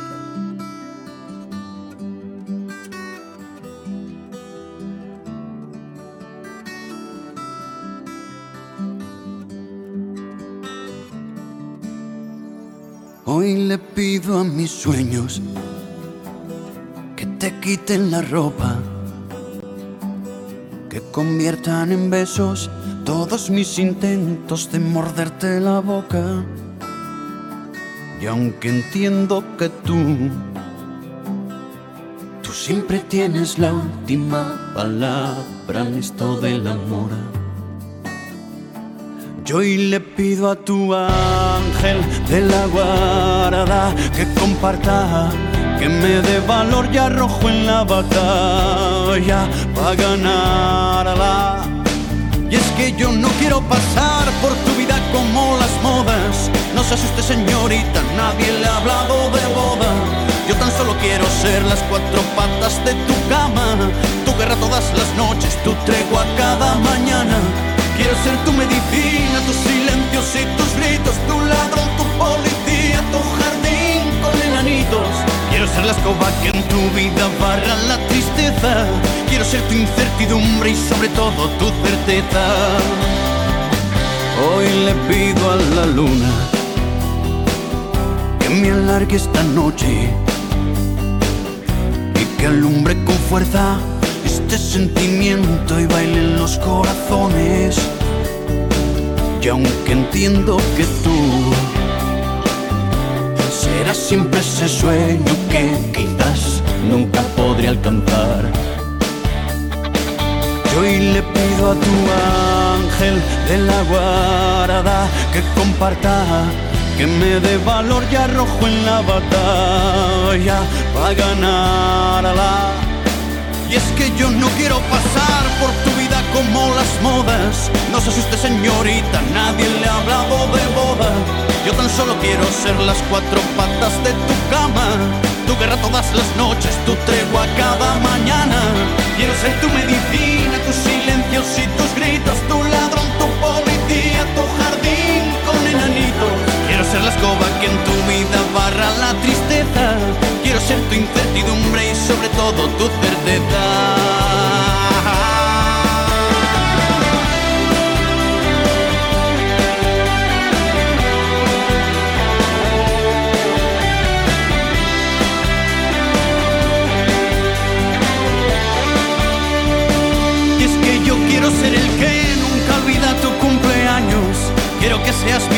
Y mi espina aunque me hagas daño. Quiero ser tu carnaval, tus principios y tus finales. Quiero ser el mar donde puedas ahogar todos tus males. Quiero que seas mi tango de Gardel, mis octavillas, mi media luna de miel, mi blues, mi octava maravilla. El baile de mi salón, la cremallera y los botones. Quiero que lleves tu falda y también mis pantalones.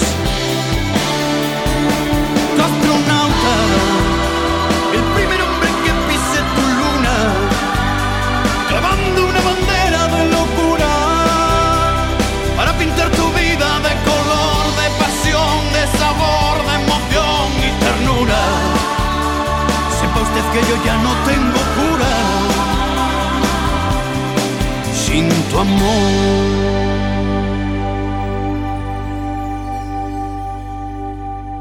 Pues ahora sí que sí, ¿no? Ahora no me equivoco. Que la siguiente es la de las niñas. No te equivocas. Bueno, es de las niñas y mía, ¿eh? A ver, yo no, pongo, no la pongo porque... eh, eh, lo- yo conocí, es Vanessa Martín con Frenar Enero, es el tema que he elegido. Tiene algún otro que me gusta mucho, pero yo la conocí, la verdad, por- en este caso fue por mi hija mayor, que un día estaba escuchando y no sé si vine y me dijo, papi, escucha. O yo le pregunto mucho, ¿qué estás escuchando? Eh, Porque a mí me gusta saber un poco, ¿no? y, y entonces me gustó y dije, pues no hay problema. Me la descargo y al coche la metí en un pen y la, Ajá. y la tengo en el coche. Y entonces, como todos los días tengo que ir a Vigo, vuelta a Vigo, Pontevedra, Pontevedra, Vigo, con lo cara que es la autopista, que baje ya, por favor, ya, ¿vale?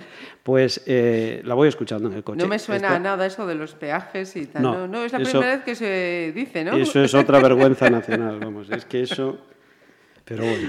En fin. Y entonces es así, esa, eh, es de esas cosas que ellas te van enseñando y que tú vas descubriendo. Eso, así como de niño, pues de cuando son niñas ellas o eran niñas, yo me metí en un mundo turbio y tremendo, que era el de los teletubbies y esas cosas todas, que yo lo pasaba fatal, pero fatal, porque a mí no me gustaba nada de eso y tenía que chupar horas de teletubbies y horas de, ya no recuerdo, pues eh, Dora la exploradora. Dora, te tocó el momento Dora. Bueno, me tocaron muchos momentos, porque son dos niñas y se- Pocoyo, te eh, tocaría. Bueno, Pocoyo y Caillou. Y Caillou. Y, y que es- ese niño no le crece el pelo en la vida. O sea, es una cosa tremenda. Y yo eso lo llevaba mal, fíjate, ¿ves? Eso lo llevaba mal. Ahora no, ahora lo llevo bien. Mi hija escuchan así a veces cosas raras que me ponen, no sé, que están muy de moda. y yo las escucho. y digo, bueno, esto no me gusta nada, hija. Y dice, "Ah, pues es muy chulo, papi, es que tú ya eres muy mayor. Y digo, vale, pues será eso, hija, pero vale, no pasa nada. Pues eh, vamos a... No sé si será posible frenar enero. Vamos a frenar enero porque a veces hay que frenarlo, ¿eh? Y tal como está la luz en este enero, mejor que lo frenemos ya.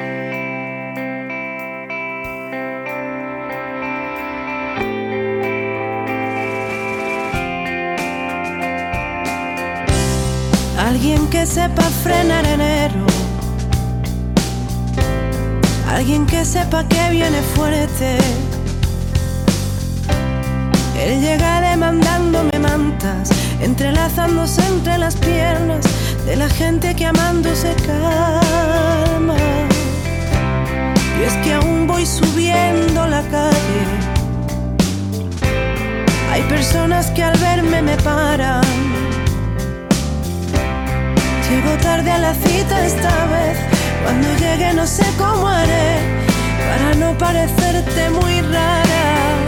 Mi niño mimado, mi amante paciente.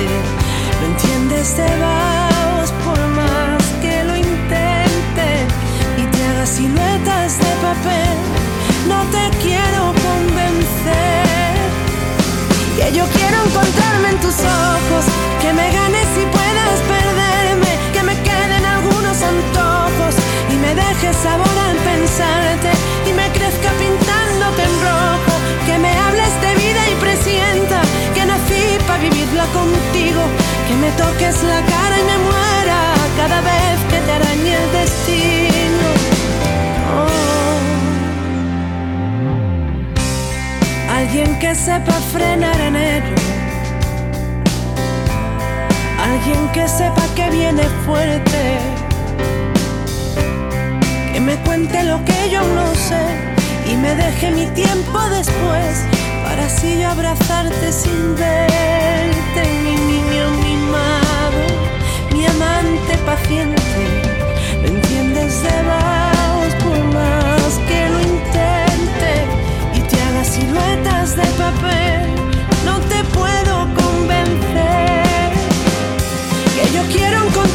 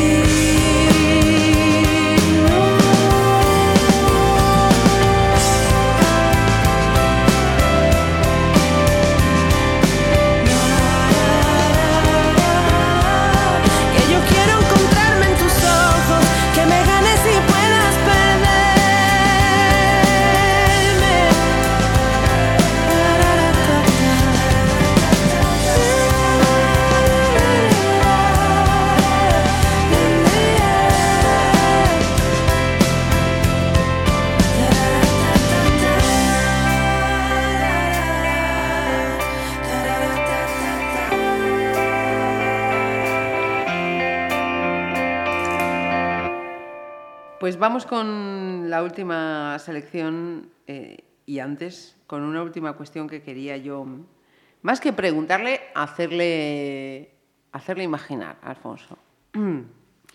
Vamos a pensar que esta profesión nos trata bien hasta el momento en que nos jubilemos Soñemos. va. y que llega ese momento de decir, bueno, ya trabajé bastante, ahora me dedico a, a vivir. ¿Qué te gustaría hacer? ¿A qué te gustaría dedicar? Eso es lo que yo te decía, quiero ser millonario para eso. Yo quiero ser millonario no para jubilarme, porque no vamos a tener un céntimo de jubilación, es una pena, pero va a ser así. Eh, y vamos a tener una calidad de vida pésima. Eso, vamos, yo estoy todos los días lavándole el coco a mis hijas diciendo, oye, hay que cuidar de vuestro padre cuando podáis, ¿eh? porque esto está muy mal. Pero bueno, eh, no sé, a mí me gustaría eh, jubilarme. A mí lo que me gustaría siempre y que nunca hice fue escribir. A mí me gustaría escribir. Eh, no Aquí me- lo has hecho a trocitos, no me aquí en atrevo. Pontevedra Viva. Sí, a ver, lo he hecho, pero es otra escritura, es tipo periodístico, son, sí, he escrito eh, artículos y demás. Bueno, no me considero ningún sibarita de la escritura, ni mucho menos, ni siquiera veo que tenga potencial, pero hoy en día muchísimos de los escritores que hay por ahí tampoco lo tienen, ¿no?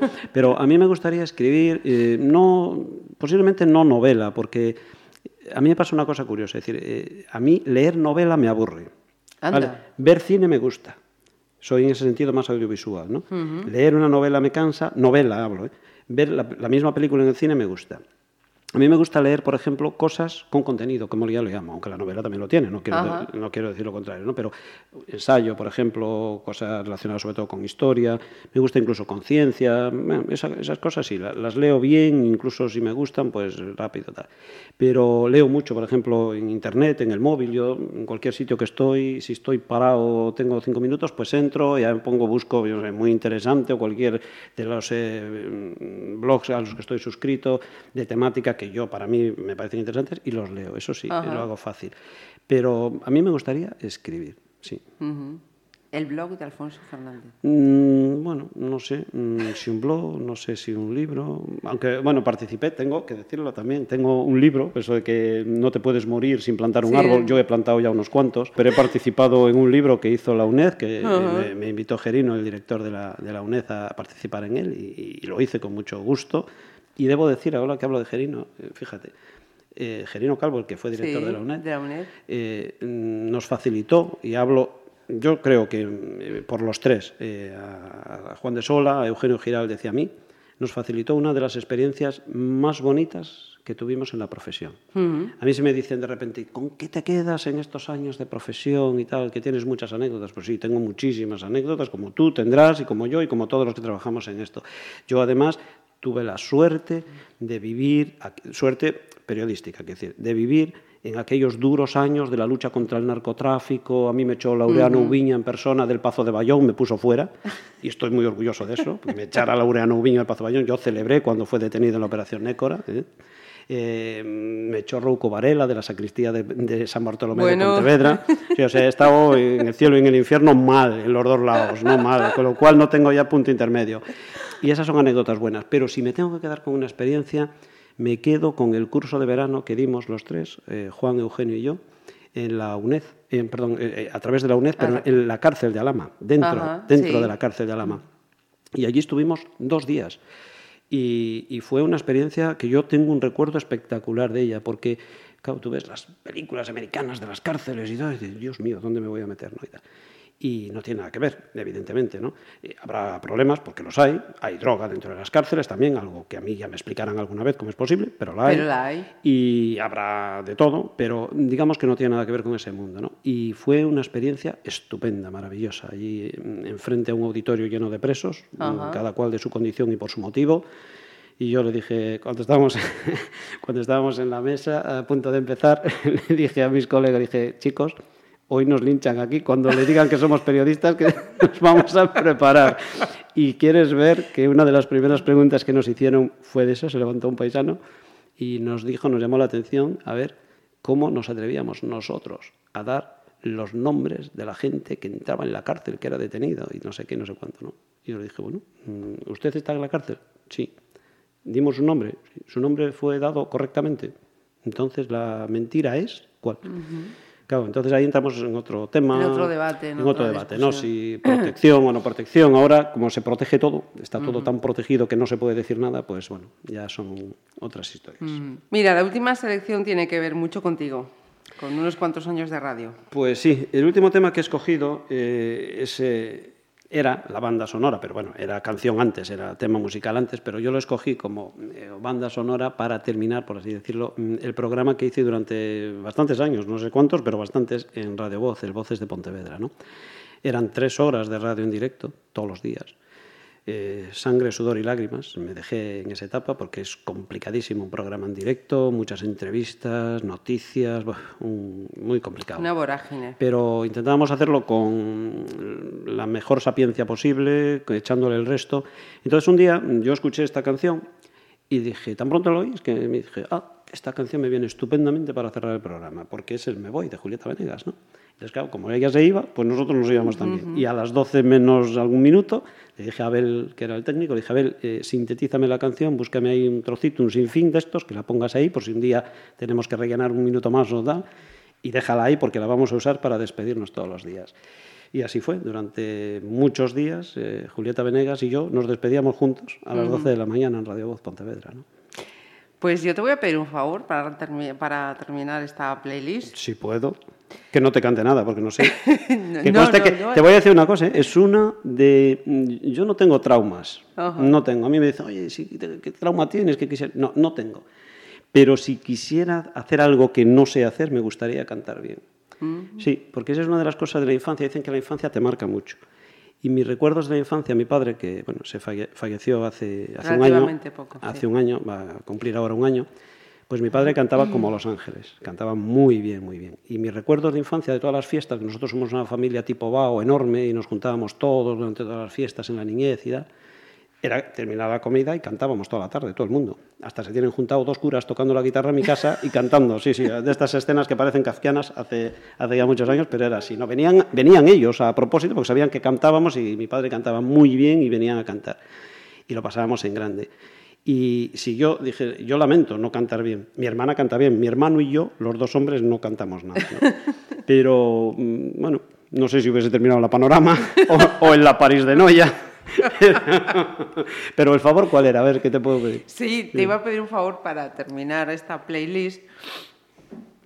Ya que te despides con Juli- Julieta Venegas, con esa sintonía que Sí. fue el cierre de tu programa durante todos esos eh, años, eh, ahora con esto de la radio online, ya sabes que nos pueden escuchar ahora, ahora mismo, de noche, nos pueden escuchar a media mañana, en cualquier momento. Sí. Pero nosotros lo, lo estamos eh, haciendo de noche. Antes eh, hablabas de Jesús Quintero. Correcto, Eso de Sevilla, aquí el sur. Aquí Sevilla, aquí ¿Por al qué sur. no te despides? en vez de Sevilla, aquí Pontevedra, Eso- aquí el norte, y con Julieta una- Venegas. Eso es una trampa, estuvo muy bien. No, no me lo habías dicho, ¿eh? No. Bueno, pues no es fácil, pero bueno, eh, antes de nada agradecerte que me hayas invitado. Eh, Un placer. Lo he pasado Yo muy lo bien. disfruto muchísimo. Lo he pasado muy bien y espero que mis gustos musicales no hayan molestado a nadie y que no hayan desconectado entre canción y canción y que, bueno, por lo menos se hayan sonreído con algunas de las anécdotas.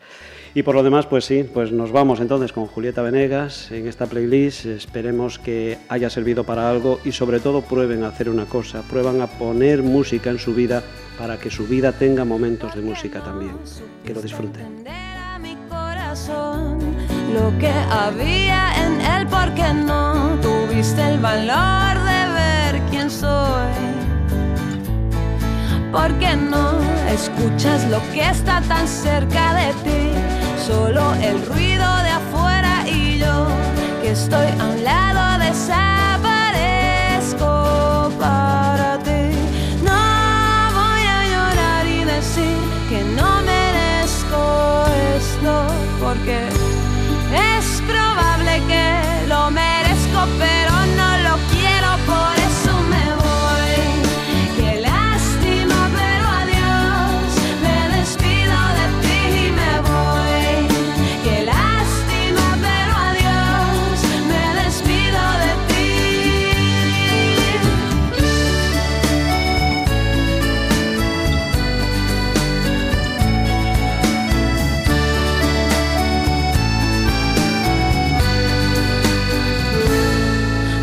que me espera algo mejor, alguien que sepa darme amor, de ese que endulza la sal y que salga el sol. Yo que pensé, nunca me iría de ti, que es amor, del bueno de toda la vida, pero hoy entendí